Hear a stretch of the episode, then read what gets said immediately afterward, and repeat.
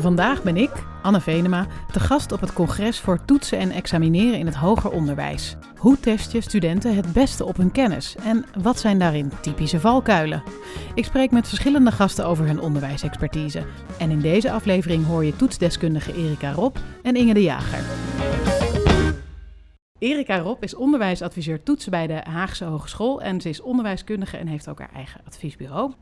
Inge de Jager is trainer en toetsdeskundige bij bureau Lente. En bij dat bureau geeft ze onderwijsinstellingen advies over leren, toetsen en examineren. Uh, we gaan het vandaag hebben met Inge en Erika over inclusief toetsen. Um, en dan begin ik bij Erika. Uh, inclusief toetsen, dat klinkt als een heel erg breed begrip. Wat is het eigenlijk precies?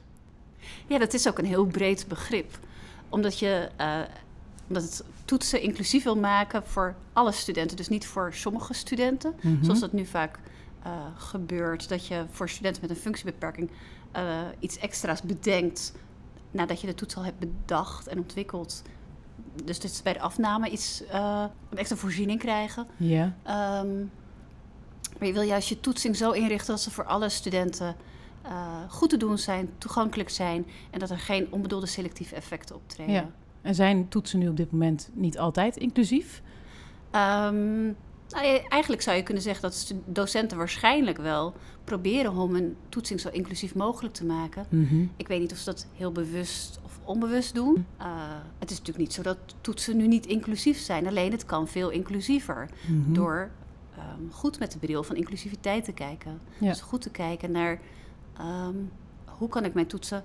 Dat zorgt dat iedereen onder uh, de paraplu zeg maar, van uh, toegankelijke toetsen past. Ja. Zonder dat je voor bepaalde studenten speciale voorzieningen doet. Je kunt veel beter vooraf uh, dingen goed regelen in je toetsontwerp, uh, met betrekking tot je toetsafname, dan dat je achteraf voor een paar studenten uh, specifieke voorzieningen treft. Ja. Want dat is dan veel minder nodig.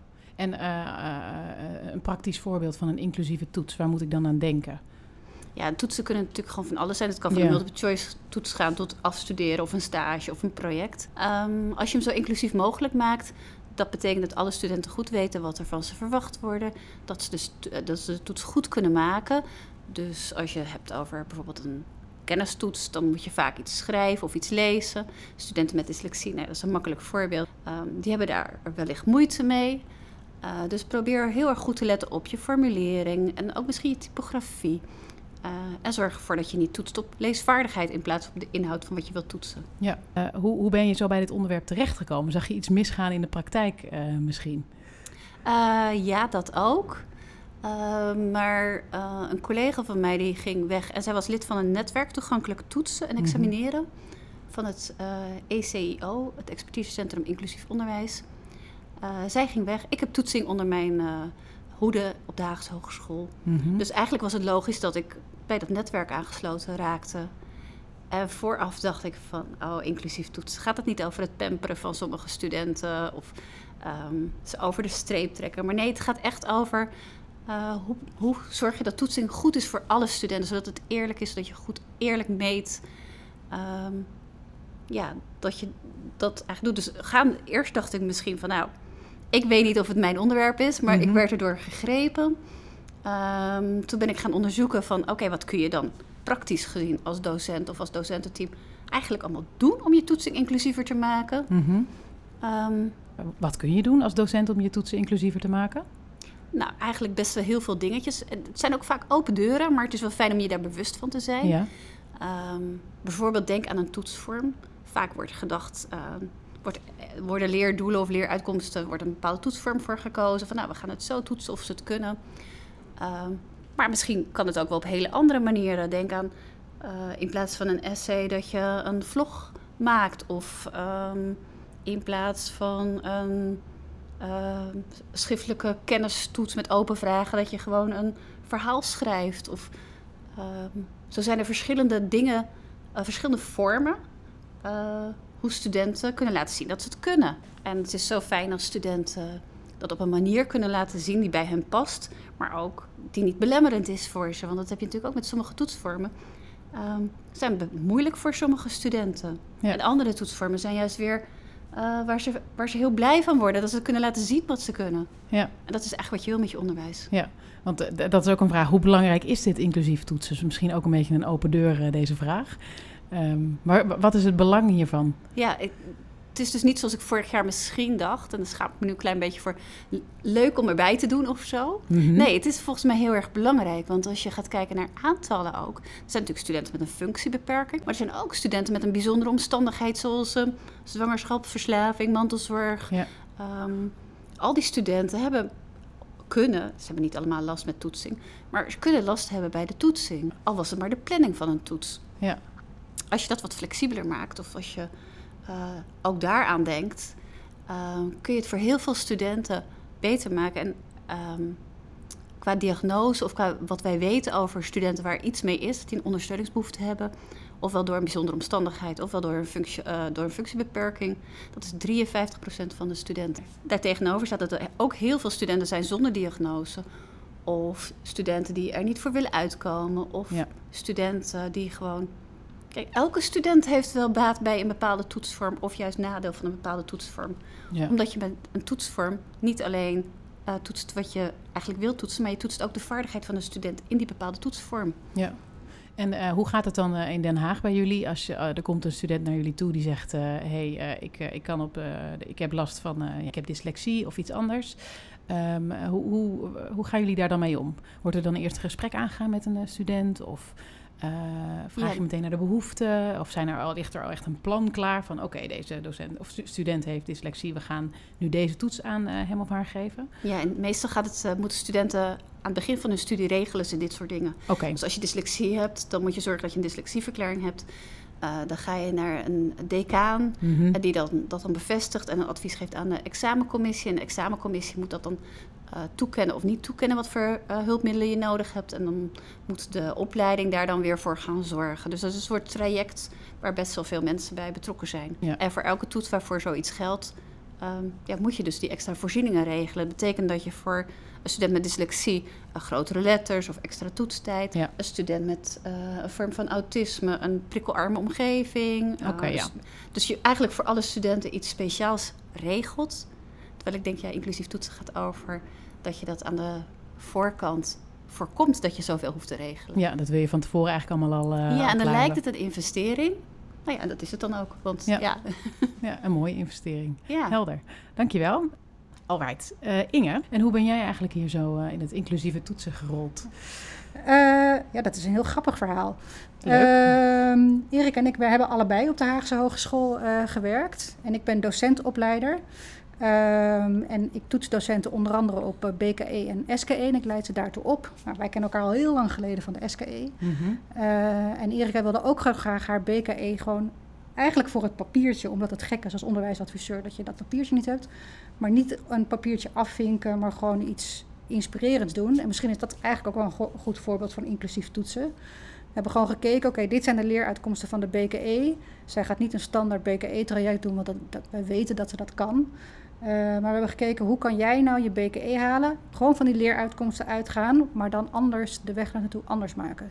Okay. En toen heeft Erika een notitie geschreven die helemaal gaat over de constructie van een toets, van één toets, of van, van enkele toetsen.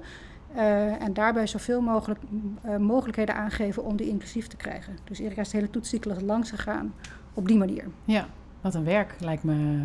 Om, ja, maar daardoor staan we wel weer hier. Dus dat werk levert ook weer op dat je het kan delen met ja, anderen. Zeker. Ja, dus ook investering, maar wel nou, een goede investering, denk ik. Toch? Uh, we hadden het net al over met Erika over dat je verschillende toetsvormen voor verschillende studenten natuurlijk kan, kan opzetten, kan maken. Maar hoe bewaak je dan eigenlijk nog de kwaliteit van toetsen als je per leerling aan, aan maatwerk doet? test je dan elke leerling nog wel op dezelfde gronden? Hoe ga je daarmee om? Ja, het mooie van inclusief toetsen, want dat is denk ik een beetje een misconceptie, is dus niet dat je per student wat anders doet, maar mm -hmm. dat je je toets zo maakt dat die voor alle studenten inclusief is. Dus het is niet dat voor de dyslectische student een andere toets komt dan voor de uh, student met, die mantelzorg doet. Dus je probeert je hele toetsprogramma en je volledige toetsing volledig inclusief te maken voor iedereen. Dus juist niet zo individueel, maar meer voor de groep.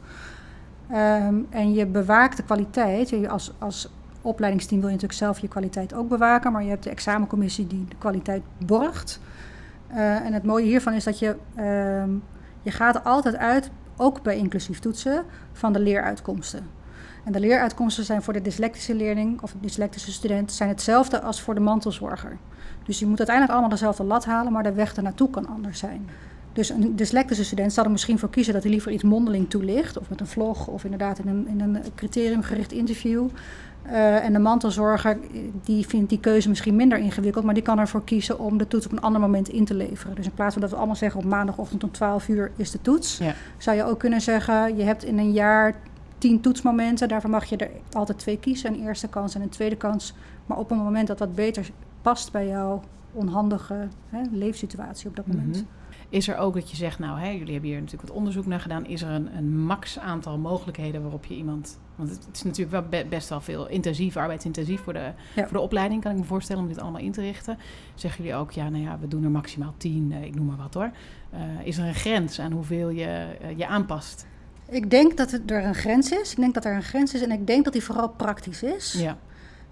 Um, enerzijds is hij praktisch. Dus je kan inderdaad zeggen, ja, misschien is tien verschillende toetsvormen echt te veel om één beoordeler, dat hij alle tien toetsvormen goed kan beoordelen. Ja. Dus dan zou je veel expertise moeten hebben als docent in heel veel verschillende toetsvormen. Dus dat wordt een uitdaging. Zeker als je een wat kleinere uh, studentenaantal hebt, wordt dan heel veel verschillende keuzes wordt dan ingewikkelder. Um, is er dan een manier waarop je prioriteit kan stellen? Dat we zeggen, we doen uh, leerlingen met dyslexie, want daar zijn er eenmaal meer van dan... Uh, uh...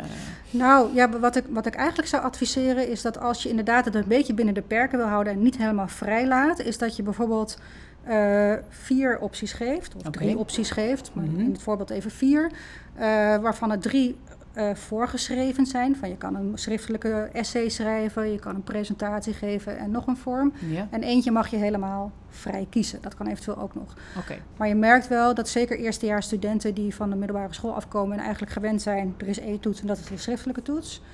Is het eigenlijk voor studenten ook prettiger om eerst wat meer keuze te hebben dan, dan alleen de schriftelijke toets, maar niet oneindig veel keuzes. Oké, okay, dus, keuzestress krijgen ze daar weer van. Te veel keuzestress, ja. ja. Dus didactisch gezien kan je misschien beginnen met twee, drie vormen.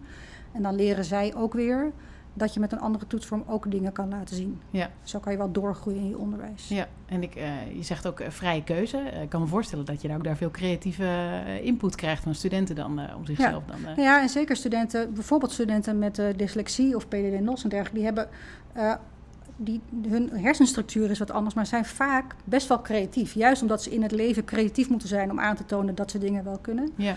Uh, zijn die er wel, denk ik, dat, daar heb ik geen onderzoek naar gedaan. Maar ik kan me voorstellen dat die gevoelig zijn voor juist creatief zijn en iets anders aantonen. Ja, leuk. Dat ze de mogelijkheid krijgen. Ja. ja. En dan tot, uh, tot slot nog een uh, laatste vraag. Um, stel je voor, ik, ik ben onderwijsinstelling, of ik, ik sta aan het hoofd van de onderwijsinstelling en ik wil beginnen met inclusief toetsen. Hoe, hoe pak ik dat aan? Waar begin ik? ik zou beginnen Oh, dat is wel een leuke vraag. Ik zou beginnen met eerst heel even kort misschien wat wij net gedaan hebben. Een kleine workshop over wat inclusief toetsen eigenlijk is. Ja. Om daar eerst maar even een basis te leggen. En ik zou zelf als uh, docentopleider, zou ik daarna met docenten willen werken met een bestaande toets. En dan kijken hoe krijgen we die toets nou inclusiever. Dus niet alles overboord en weer helemaal opnieuw beginnen. Nee. Maar gewoon wat ligt er al, wat zit er al hartstikke goed, wat zijn de parels ervan. Uh, en misschien zitten er ook wel nog wat knikkertjes die opgepoetst kunnen worden. Ja, ja helder. Zo zou ik het doen. Ja. Alright, uh, Inge, Erika, hartelijk dank voor jullie tijd vandaag. Uh, en wie weet tot de volgende keer. Dankjewel.